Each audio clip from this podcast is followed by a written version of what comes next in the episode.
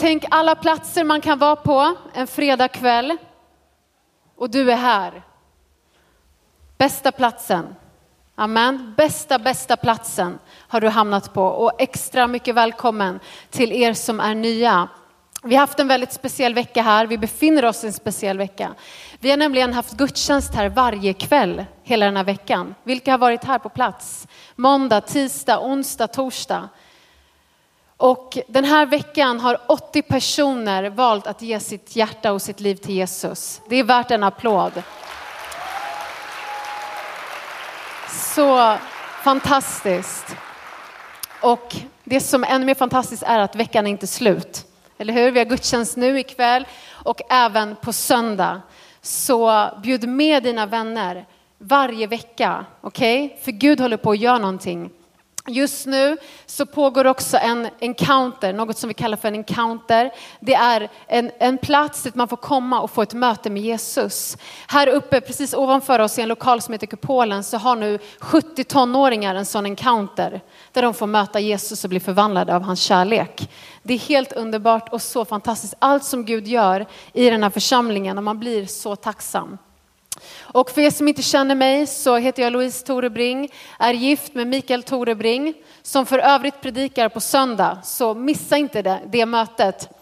Vi har tre barn, Aron sju år, Joel fem år och Lionel eh, ett år och någonting. Ett år och sju månader tror jag han är nu. Eh, och eh, om några veckor så firar vi tolv år som gifta.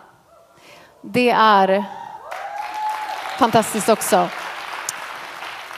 Tiden går fort när man har roligt så att säga och när man har mycket. Men jag är så tacksam till Gud för min familj och att få känna Gud tillsammans med min familj. Och den här veckan har utöver alla de här underbara kvällarna så har jag också haft en speciell vecka på det sättet att varje förmiddag den här veckan har jag gått på förskola och skolat in min son, min yngsta son. Så varje dag så har jag suttit på mattan liksom, eh, inne på förskolavdelningen. Och eh, varje dag har jag kommit hem, jag har haft snor på mig, jag har haft smör på mig. Inte mitt eget barns snor utan andra barns snor på mig. Ehm, så det har varit jättehärligt. Men det som är så fantastiskt med barn, det är att barn har inga spärrar. Linda sa i lovsången här, att du kan komma som Guds barn frimodigt inför Gud och hans tron. Vet du, barn är frimodiga. Eh, när man är där på förskolan så kommer ju alla och bara sätter sig i ens knä fast de inte har en aning om vem man är. Jag hade en liten pojke som hette Alvar. Han satt klistrad vid mig hela dagarna och bara tittade på mig helt lycklig och salig. Snoret rann liksom. Det, han, den största delen av allt snor kom faktiskt från honom. Men han var helt fastklistrad vid mig. Jag hade en annan pojke, han hette Nikolas. Han skulle visa upp allt för mig. Han skulle visa varje leksak på hela avdelningen liksom. Och säga vad allt hette och var liksom. Eh, och så, så, slog de varandra hit och dit och ettåringar är ganska fysiska liksom. Så jag fick så här, ta någon i så här, så här, eh, väja för, för slag liksom. Men vet ni, det är så här Gud vill att vi ska vara. Inte slåss, men att vi ska komma till honom frimodigt. Oavsett om snoret rinner eller liksom, om vi har haft världens jobbigaste dag, vecka, om vi går igenom helvetet, spelar ingen roll. Vet du, Gud står med en öppen famn för dig den här kvällen. Amen. Han längtar efter att du frimodigt ska springa till honom och sätta dig klistrad vid honom. Amen. Och det är precis det jag vill tala med dig om den här kvällen. Min titel är att ett möte med Jesus förändrar allt. Ett möte med Jesus förändrar allt. Och vi ska läsa om en person som fick ett möte som vände upp och ner på hans liv. Och det är exakt sånt här möte som Jesus vill ha med dig. Och det är från Lukas kapitel 19, vers 1 till 10. Och du kan följa med här på storbilden. Jesus kom in i Jeriko och vandrade genom staden. Där fanns en man som hette Sackeus. Han var chef för tullindrivarna, för tullmyndigheten, för romarna och han var rik. Han ville se vem Jesus var men kunde inte för folkets skull eftersom han var liten till växten. Då sprang han i förväg och klättrade upp i ett fikonträd för att se honom eftersom Jesus skulle komma den vägen. När Jesus kom till det stället såg han upp och sa till honom, Sackeus skynda dig ner för idag måste jag gästa ditt hem. Sackeus skyndade sig ner och tog emot honom med glädje. Alla som såg det mumlade förargat, han tog in hos en syndare. Men Sackeus stod där och sa till Herren, hälften av det jag har Herre ge till de fattiga. Och har jag lurat någon på något betalar jag fyrdubbelt igen. Jesus sa till honom, idag har frälsning kommit till det här huset, för också han är en Abrahams son. Människosonen har kommit för att söka upp och frälsa det som var förlorat. Amen. Och det jag vill börja med att säga det är att för Gud är ingenting en slump. Det står att Jesus kom in i Jeriko och han vandrade genom staden. Vet du, Jesus, han gjorde inget av en slump och han gör inget av en slump. Gud har ett specifikt syfte. Och Jesus visste att det fanns en man i den där staden och han var ute efter den där mannen. Jesus gick inte bara till staden för att ah, nu ska jag titta på liksom, ruinerna här eller titta på historien liksom, och han anlitar en guide där. Nej, vet du, Jesus är intresserad av människor. Jesus är intresserad av dig. Och Jesus visste att det fanns en man på den här platsen som behövde och längtade efter ett möte med Jesus. Och vet du, det är ingen slump att du är här den här kvällen. Det är ingen slump, ditt liv är ingen slump, utan Jesus har ett syfte för ditt liv och han har ett syfte med den här kvällen. Och jag vill börja med att ställa dig en fråga. Och den frågan är, vart befinner du dig? Vart befinner du dig? Och då menar jag inte Götgatan 87, liksom. det vet vi alla. Nu sitter vi på Götgatan 87, vi är i Wow Church. Men vart befinner du dig i ditt liv? Hur står det till med ditt liv? Det står, vi läste i vers 3, att där fanns en man som hette Sackeus. Han var chef vid tullen och han var rik. Sackeus, han var chef vid tullen, vilket innebar att han arbetade för romarna Hans uppgift var att driva in höga skatter från sitt eget folk. Han tjänade pengar på att luras och han krävde mer pengar av människor än det som var nödvändigt. Så han hade alltså svikit sitt eget folk. Han jobbade liksom för fiendefolket, de som hade intagit hans land och på det så stal han extra pengar för att själv bli rik. Okej, okay, kan du se det här? Det är som att en ukrainsk medborgare skulle gå över på Rysslands sida och börja kräva pengar från sitt eget folk och ge det till ryssarna för att de ska föra krig och inta andra länder utöver det landet. Förstår ni hur illa det var? Han var inte en populär person bland sin familj, bland sina vänner, bland sitt folk. Utan han var det man kan kalla för en svikare. Så utåt sett var han chef han var rik, läser vi. Men hans verkliga tillstånd, kan du säga verkliga tillstånd? Det var att han var oärlig, han var en förrädare och han var en tjuv. Och jag tror att den här mannen hade mycket sår i sitt hjärta. Det står att han var kort. Vi läser att han var, att han var liten, att han var kort. Och varför gör det det? Jo, jag tror att det var så han identifierade sig. Och jag tror att det var så andra människor såg på honom och identifierade honom. Som liten, som kort. Och det står inte, vi vet inte, men kanske var det så att han blivit retad under sitt liv för sitt utseende. Kanske var det så att han till och med hade blivit mobbad. Kanske kände han sig utstött. Kanske hade han känt sig ensam, förkastad, föraktad. Och det här livet han nu hade valt att sätta sig utanför sitt eget folk, sin egen familj, det han kom ifrån. Det kanske var av just den här anledningen. Kanske ville han hämnas på de som hade gjort honom illa och, och sårat honom och sett ner på honom. Eller ville han kanske hävda sig och visa liksom att jag kan lyckas också. Andra kanske hade sett ner på honom med lilla Sackeus. Vad kan du göra för något liksom? Och det här var hans chans att hävda sig. Att visa, jag kan bli chef, jag kan tjäna pengar, det kan gå bra för mig också. Så pass att han hade hamnat på den här mörka platsen av bedrägeri. Och han hade totalt bara sålt sin egen själ för att bli rik och få status. Och vi vet inte exakt var, vad anledningen var att han befann sig i det här tillståndet. Men någon anledning fanns det, eller hur?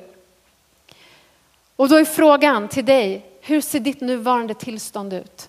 Och vart befinner du dig? Hur har ditt liv påverkat dig och andra runt omkring dig? Och då menar jag inte bara till det yttre. Då menar jag inte bara fasaderna. Du vet när man går ut, man träffar någon människa liksom här ute eller på stan eller någon man hälsar och så frågar man hej, vem är du liksom? Ja, jag heter det här, jag är så här gammal, jag bor där, jag jobbar med det. Ungefär, när vi presenterar oss, eller hur? Det är inte det jag pratar om, utan jag pratar om här inne. Det verkliga tillståndet. Dina tankar, det du bär på, det du går igenom, det du har varit med om, din historia, ditt tillstånd. Det verkliga tillståndet. Inte det som bara människor ser, utan så som det faktiskt står till. Och den här kvällen är en kväll där vi får stanna upp och vara ärliga med oss själva. För vet du, allt börjar med att vi är ärliga med oss själva och ärliga med Gud. Ibland kan det vara så att man har vant sig att leva med någonting. Man kanske vant sig att leva med ett sår, med en besvikelse. Man kanske vant sig att bära på något eller plågas av något så pass att man kanske till och med börjat identifiera sig med det. Man kanske till och med börjar, börjar säga liksom, nej men det är så här jag är. Det är så här mitt liv är. Det är så här mitt beteende är. Det är så här det ser ut. Så länge ingen, ingen vet om det liksom, är det lugnt. Så länge det inte märks. Så länge jag kan hålla det där, där inne, liksom, där jag kan hantera det, där jag kan kontrollera det. Men vet du, Jesus dog inte förgäves. Jesus kom för att sätta de fångna fria, för att förbinda våra sår. Jesus kom för att rädda dig, för att frälsa dig, men också göra dig fri från allt som plågar dig. Hela ditt hjärta, upprätta dig inifrån och ut. Så oavsett ditt tillstånd, oavsett din kamp, oavsett din historia, oavsett vad du har varit med om, oavsett det du går igenom just nu så vill Jesus möta dig.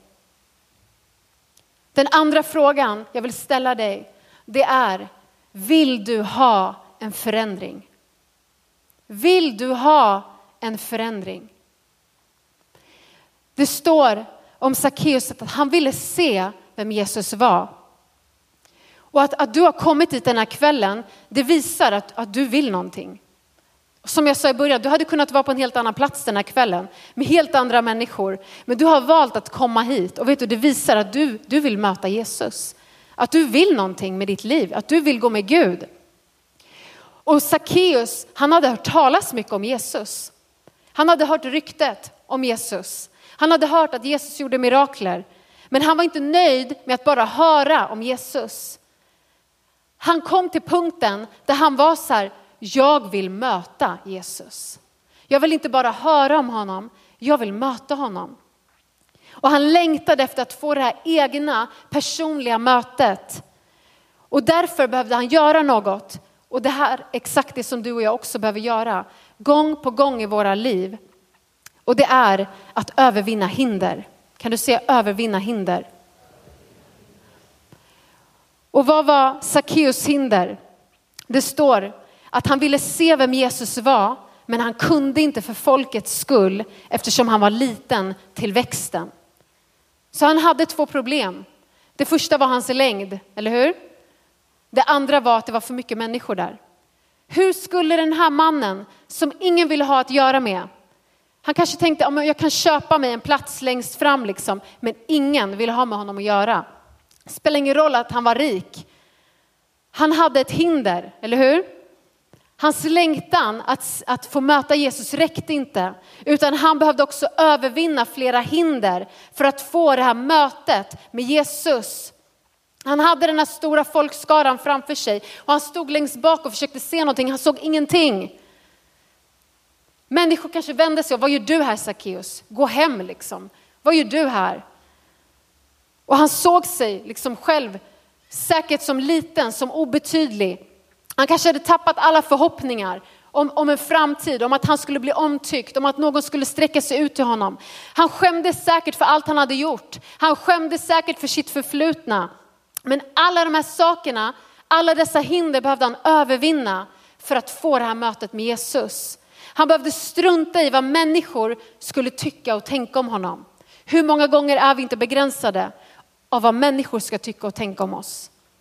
Och så stannar vi, vi fastnar på en viss plats i våra liv för att vi tänker av vad någon annan ska tycka och tänka.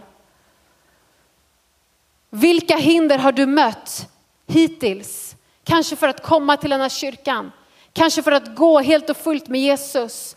Kanske har du mött motstånd i ditt sinne, i dina egna tankar. Kanske har du mött motstånd i dina relationer, i din egen familj, bland dina vänner.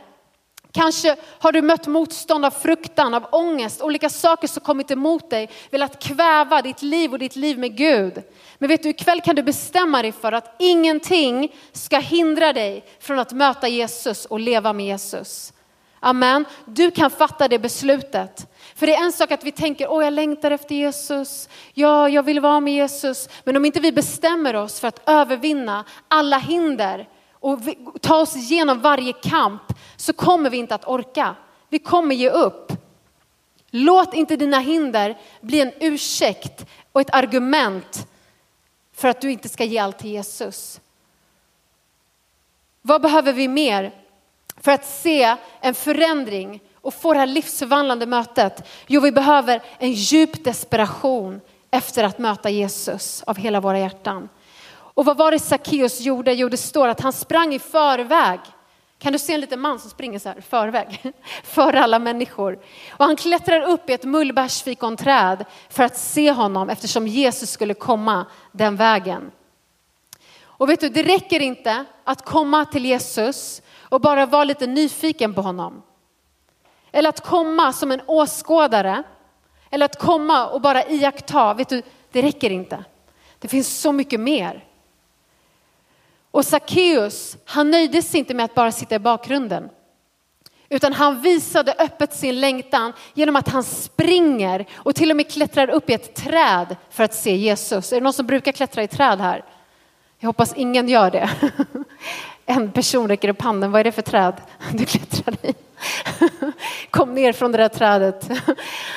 Nej, Tänk, tänk, om du skulle gå ut här på gatan och så ser du en rik kort liten man sitta i trädet där ute. Du skulle, du skulle bli ganska så här, vad, vad, vad håller den där mannen på med? Vem är han? Vad sysslar han med liksom? Eh, behöver du hjälp, eller hur? Man, man, skulle, man skulle undra lite. Men vet du, han var desperat. Han var desperat och han gjorde det som behövdes för att se Jesus. Det spelade ingen roll om det var pinsamt, det spelade ingen roll om, om, han skulle uppfattas som konstig. Han var villig att bli retad, han var villig att skämmas, han var villig att bli utskrattad. Allt för att han ville möta Jesus. Han kom till punkten av att han brydde sig inte längre. Och vet du, det är exakt den punkten du och jag behöver komma till. Spelar ingen roll vad andra säger, spelar ingen roll vad andra tycker. Jag ska ha Jesus. Amen. Du vet när vi kommer till himlen, då kommer inte Gud fråga dig så här, hur gick det, om jag tar Haben här, Haben, hur gick det för Greta? Eller liksom, vad gjorde Greta för något? Nej, han kommer inte fråga Haben om Greta. Han kommer inte, han inte fråga så här, Haben, vad tyckte andra människor om dig? Var du omtyckt? Haben, var du populär? Kommer han fråga så? Nej. Han kommer fråga vad vi gjorde med honom, med Jesus, men också vad vi gjorde med, med mitt liv, eller hur? Vad människor tycker, vad människor tänker, om oss, vet du, det är mellan dem och Gud, eller hur? Du har ditt liv och vad gör du med det livet? Vad gör du med Jesus? Det tredje är att Jesus känner dig. Jesus känner dig. Och det står att när Jesus kom till det stället såg han upp och sa till honom, där han sitter där i trädet, Sackeus skynda dig ner för idag måste jag gästa ditt hem. Jesus visste exakt vem Sackeus var. Var det för att han hade läst skvallertidningen? Var det för att han hade hört liksom, människors förtal och, och skvaller om honom, vem han var? Var det det? Nej. Jesus vet allt, eller hur? Och han kallar till och med Sackeus vid namn. Han säger Sackeus. Vet du, jag tror Sackeus han måste blivit så chockad att han höll på att ramla av den där grenen han satt på. Här kommer Jesus, Jesus och han kallar mig vid namn. Lilla jag som ingen vill tilltala, lilla jag som ingen vill ha att göra med. Han, Jesus kommer och kallar mig vid namn. Och de andra runt omkring, de var minst lika chockade. Och de säger, det står så här, alla som såg det Jesus gjorde mumlade förargat, han tog in hos en syndare. Alltså människorna runt omkring, de var också chockade över det Jesus gjorde. Men det jag älskar är att Jesus bryr sig inte. Han bryr sig inte om att, att de talar illa om honom. Han bryr sig inte om att de klagar på att han är den med den minst och mest liksom opopulära.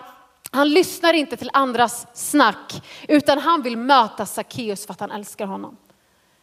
Och han vill möta dig, inte för vad du gjort eller inte gjort, inte för ditt CV eller dina misslyckanden. Han vill möta dig för att han älskar dig. Han lyssnar inte till andras snack. För vet du, han vill förändra ditt liv. Han ville förändra Sackeus liv trots att han var en tjuv, trots att han var en lögnare och allt det han hade på sin meritlista av kriminalitet. Men vet du, Jesus bryr sig inte om det som har varit. Han bryr sig om det som ska komma. Han bryr sig inte om den du har varit, han bryr sig om den du ska bli. Amen. Ingenting chockar Jesus. Inget är för stort, inget är för mörkt, ingenting är för svårt. Utan han kan göra vad som helst. Och han visste vem Sackeus var. Han visste om hans historia och han visste precis vad han behövde. Och vet du, Jesus känner dig. Han vet vem du är. Han känner till din historia, ditt förflutna och han söker upp dig den här kvällen för att han har en framtid och ett hopp för ditt liv. Han ser inte bara det som har varit, han ser planen, han ser syftet. Han ser så mycket längre än vad du eller någon annan människa någonsin kan se. Och det står att Jesus skulle vandra genom Jeriko. Det betyder att han hade inget annat att göra där. Jesus kom inte till den här staden för att han skulle stanna där, ta in på hotell och ha det skönt. Nej, han kom för att han ville träffa Sackeus. Jesus han gick den extra milen för lilla Sackeus. Och vet du, Jesus har gått den extra milen för dig och det var när han gick till korset. Det var den extra milen han gick. Han behöver aldrig gå någon mer mil, för han har redan gjort allt för dig. Han har gjort allt i ditt ställe. Han tog på sig det som skilde dig från Gud.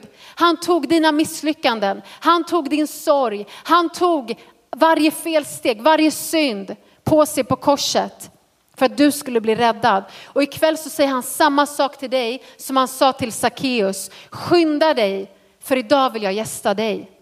Idag vill jag gästa ditt liv. Idag vill jag komma in i ditt hjärta. Idag vill jag komma in i de där innersta rummen, bakom alla fasader, bakom alla murar, bakom det du visar upp för människor. Exakt där vill jag komma in. Exakt där vill jag möta dig med, med min kärlek. Och Jesus han vill inte bara gästa dig. Du vet en gäst kommer och en gäst går. Jesus vill stanna för evigt. Amen. Oavsett vem du är, oavsett var du kommer ifrån, oavsett om du aldrig mött Jesus och inte känner honom eller om du gått i kyrkan hela ditt liv. Öppna ditt hjärta för Jesus. Han vill möta dig. Han vet vad du bär på. Han vet allt och det är exakt i det tillståndet han vill möta dig. Namnet Sackeus betyder Gud minns. Gud minns. Vet du, Gud har inte glömt dig. Gud har inte glömt dig. Du kanske befinner dig i en omöjlig situation, men vet du, du är inte bortglömd av Gud. Du kanske känt att människor har svikit dig. Du kanske känt att människor har glömt dig, att människor inte funnits där. Men Gud kommer aldrig glömma dig. Det är omöjligt för Gud att glömma dig. Han minns dig. Och vad gjorde Sackeus? Och vad behöver du och jag göra? För vet du, Sackeus hade faktiskt ett val. Och du och jag har ett val. Jesus kommer aldrig tvinga sig på oss, för han har gett oss en fri vilja. Han kommer aldrig gå över den viljan. Men hans inbjudan kommer alltid stå kvar till dig. Sackeus han hade kunnat säga, när han satt uppe i sitt träd, hade han kunnat säga så här, nej men vet du vad Jesus, jag sitter ganska bra här. Vet du vad Jesus, vi tar det en annan dag liksom. Jesus, mitt liv är alldeles för messy. Mitt hem är alldeles för stökigt. Han hade kunnat säga nej, eller hur? För han visste att Jesus skulle röra vid honom på djupet. Han visste att han skulle bli förändrad och förvandlad. Och han hade kunnat backa ifrån det. Vet du, samma val har du och jag. Vad gör vi med Jesu inbjudan? Vad gör vi med den inbjudan som går ut? När han kallar på oss, när när han knackar på vårt hjärta, när han säger kom, kom till mig. Kom min son, kom min dotter. Vet du, vi ska inte stanna i vårt lilla träd, eller hur? Vi ska inte stanna på den platsen där vi har varit, utan vi ska göra precis som Sackeus gjorde. Han var säkert nervös, han hade allas blickar på sig, eller hur? Alla arga människor, liksom. alla han var skyldiga pengar och alla han hade stulit av. Han hade allas blickar på sig, men han väljer att säga sitt ja. Han säger ja Jesus, kom hem till mig snälla. Jesus, jag öppnar dörren på vid gavel för dig. Och det betyder clean the house. Gör vad du vill göra. Kom in i mitt liv. Gör allting nytt Jesus. Så vad behöver vi göra? Jo, vi behöver respondera på Jesus inbjudan. Vi behöver respondera. Sackeus sa ja, inte bara till ett tillfälligt besök, utan för alltid. Gud vill inte ha en tillfällig relation med dig, utan han vill finnas i ditt liv för alltid. Det är en relation som varar ända in i evigheten. Och han älskar dig så mycket att han till och med bjuder in sig själv i ditt liv. Precis som med Sackeus. Han säger, idag måste jag hem till dig. Har någon sagt så till dig någon gång? Kanske någon kultur. Men det är inte vanligt att någon kommer till en, när man sitter i ett träd på gatan och säger, vet du, dig måste jag hem till. Liksom. Då, då är man verkligen utvald. Men vet du, det är exakt det Jesus säger till dig. Dig måste jag hem till. Dig vill jag besöka. Dig vill jag sitta ner med och prata och lyssna till. Dig vill jag umgås med. Dig vill jag hälla ut min kärlek över. Dig vill jag upprätta. Dig vill jag hela. Bry dig inte om det som har varit. Nu, idag är din tid. Amen. Jesus har tagit det första steget. Han dog på korset för dig. Men det är upp till dig att öppna ditt hjärtas dörr att säga ditt ja till honom, att släppa honom in. Det handlar inte bara om en upplevelse, det handlar om ett livsförvandlande möte där du börjar leva det liv som du är skapad för. Att leva i gemenskap med Gud. Din pappa i himlen som har skapat dig, som har älskat dig med en evig kärlek, som har en framtid och ett hopp för dig. Det är den inbjudan som går ut den här kvällen. Och det fjärde och sista punkten jag vill dela med er, det är att du kommer aldrig mer vara densamme. Du kommer aldrig mer att vara densamme. Sackeus han fick uppleva en verklig förändring. Det var inte något som kom och gick. Utan vad står det? Det står Sackeus stod där och sa till Herren, hälften av det jag har, Herre, ger jag till de fattiga. Och har jag lurat någon på något betalar jag fyrdubbelt igen. Vet du, Jesus dömde aldrig Sackeus för det han hade gjort. Han sa inte så här, kom ner Sackeus så får jag tala dig till rätta. Liksom, nu går vi hem till dig och så ska vi reda ut alltihop. Liksom. Och börja liksom klanka ner på honom. Vet du, det var inte det Jesus gjorde. Men vet du, när vi får möta Jesus, när vi får möta hans kärlek, då förändras våra hjärtan. Och det var exakt det som hände med Sackeus. Han blev förvandlad inifrån och ut när han fick möta Jesus kärlek. Pengar och position var inte längre det viktigaste för honom. Människors respekt och den här hämnden han bar på, det var som att det bara smälte bort. Här står han inför Jesus och det enda han vill göra är att leva för honom. Och när du får möta Jesus, vet du, då blir allt annat bleknar. Och det sista du vill göra, det är att synda, för då vet du att du tappar din relation med Gud. När Gud kommer med sin kärlek över ditt liv, då förändras allt. Självmant så ger Sackeus bort mer än hälften av det han hade till fattiga. Och han säger att om jag skyllde någon något kommer jag betala fyrdubbelt igen. Det var ingen som sa det här till honom. Jesus sa inte att han behövde göra det här. Jesus rullade inte fram en lista. Det här har du fel, det här är ditt fel, det här har du gjort, det här sa du, det här gjorde du fel liksom. Och så måste du göra det här och här och det här och det här. Nej, vet du, det här kom från hans eget hjärta. En sann förändring, en sann förvandling inifrån och ut. Och vad mer fick Sackeus uppleva? Jo, han fick uppleva frälsning. Det står att Jesus sa till honom, idag har frälsning kommit till det här huset. För jag har kommit för att söka upp och frälsa det som var förlorat. Amen. När vi upplever frälsningen, så blir det en, en fullständig förändring i våra liv. Det betyder att jag gick åt det här hållet, jag, gjorde, jag gick min egen väg, men nu går jag den här vägen. Jag vänder, jag gör en hel omvändning och jag går med Jesus. Det betyder att jag går från död till liv. Det är opposite. Från mörker till ljus. Det är att få uppleva frälsningen. Och Guds planer för ditt liv, det är frälsning. Det är välsignelser, det är upprättelse av ditt liv, av din familj. Det är helande, det är godhet, det är beskydd, det är frihet, det är mening, det är syfte. Det är så mycket mer Gud har för dig. Och idag så har frälsning och frälsaren själv kommit till dig. Det är inte bara, Jesus är inte bara någon som, som vi hör om. Liksom. Någon som man talar om i kyrkan där borta. Liksom. Nej, vet du, Jesus är verklig. Han står vid dig. Han är vid ditt hjärta. Han är, han är vid dina tankar. Han är dig så, så nära. Det står i Uppenbarelseboken 3, vers 20 och det är exakt det här Jesus gör. Det står, se jag står vid dörren och knackar. Knack, knack, knack. Vad är det för dörr? Det är ditt hjärtas dörr. Det är där Jesus står. Och han säger om någon hör min röst och öppnar dörren ska jag gå in till honom och hålla måltid med honom och han med mig. Vad innebär det att dela måltid med någon? Jo, att dela livet med någon. Jesus vill dela sitt liv med dig. Han vill älska dig. Han vill ge dig av sitt bästa. Han vill umgås med dig. Han vill ha en nära relation med dig. Och vi ska börja gå mot avslutning. Men jag var en Sackeus. Och vi alla har varit en Sackeus. Vi alla är, eh, vi alla behöver Jesus. Det spelar ingen roll om man är rik, om man är fattig, om man är lång, om man är kort eller vad det än är. Vi alla människor behöver Jesus. Vi alla är förlorade utan honom. Och jag, jag är inte uppväxt i, i en kristen familj, ett kristet hem. Jag var inte uppväxt med att, att någon läste barnens bibel för mig och bad godnattbön.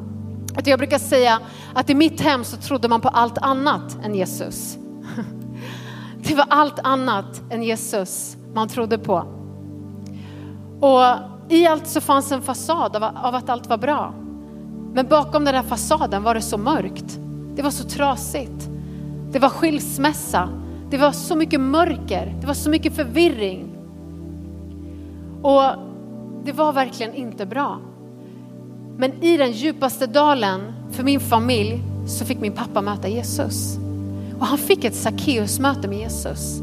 Jag såg själv, jag var inte gammal, men jag, jag minns än idag hur min pappa blev förändrad. Jag minns än idag hur hans tårar rann när han talade om Jesus. Hur han satte på lovsång hemma och han bara grät och grät och grät. Jag kommer ihåg först tänkte jag, pappa är du ledsen? Är du ledsen pappa? Men sen förstod, förstod jag att det var för att han älskade Jesus så mycket. Och jag såg hur han fick det här mötet. Och jag tänkte, jag tror ju på Gud. Jag har alltid trott på Gud. Jag har alltid trott att det finns något mer. Men vet du, det räcker inte. Det räcker inte.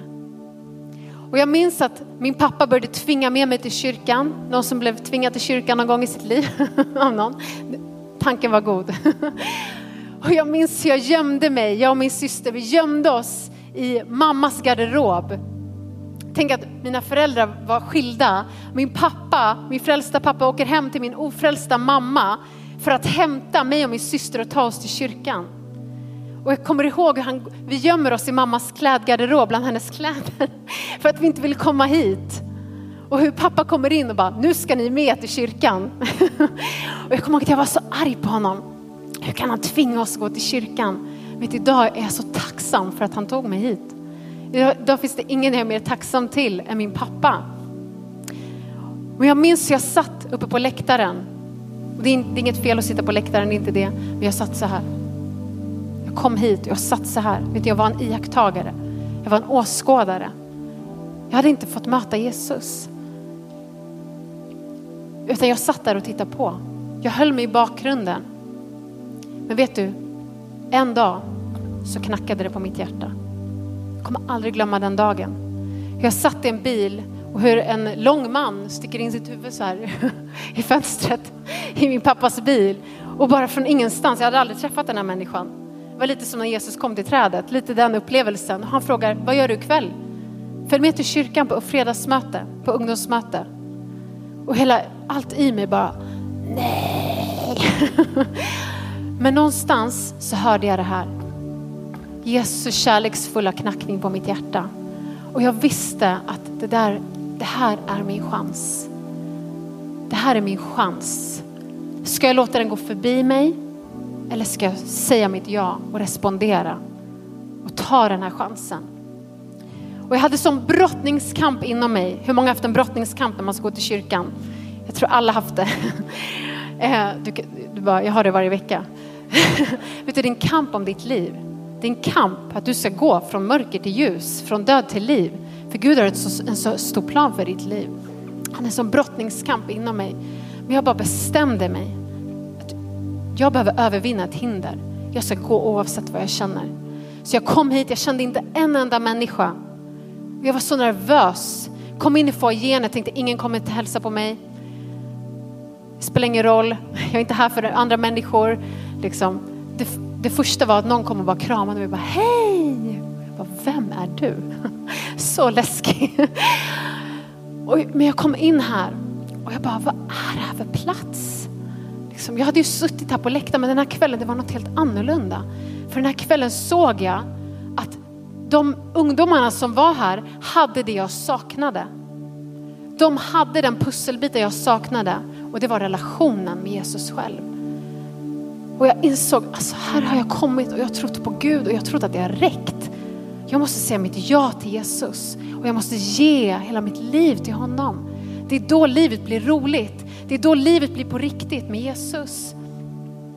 Och jag kommer ihåg, den kvällen var min avgörande kväll då jag sa mitt ja och jag blev aldrig mer densamme. Jag blev helt förvandlad av Jesus. Människor såg mig och sa, men vad har hänt med dig Louise? Min mamma sa, vad har hänt med dig liksom? Och i början var hon arg liksom. Men sen så hade hon, kunde hon inte säga någonting längre. För hon såg att det var en sann förändring, precis som Sackeus. Det var en sann förändring på djupet. Och vet du, det är exakt det Jesus vill göra i ditt liv. Det är inte bara att, att putsa på din fasad, liksom göra dig lite glad för stunden. Vet du, nej, det är ett verk inifrån och ut. Det är ett verk på djupet av ditt liv. Vi kan bara stå upp allihop.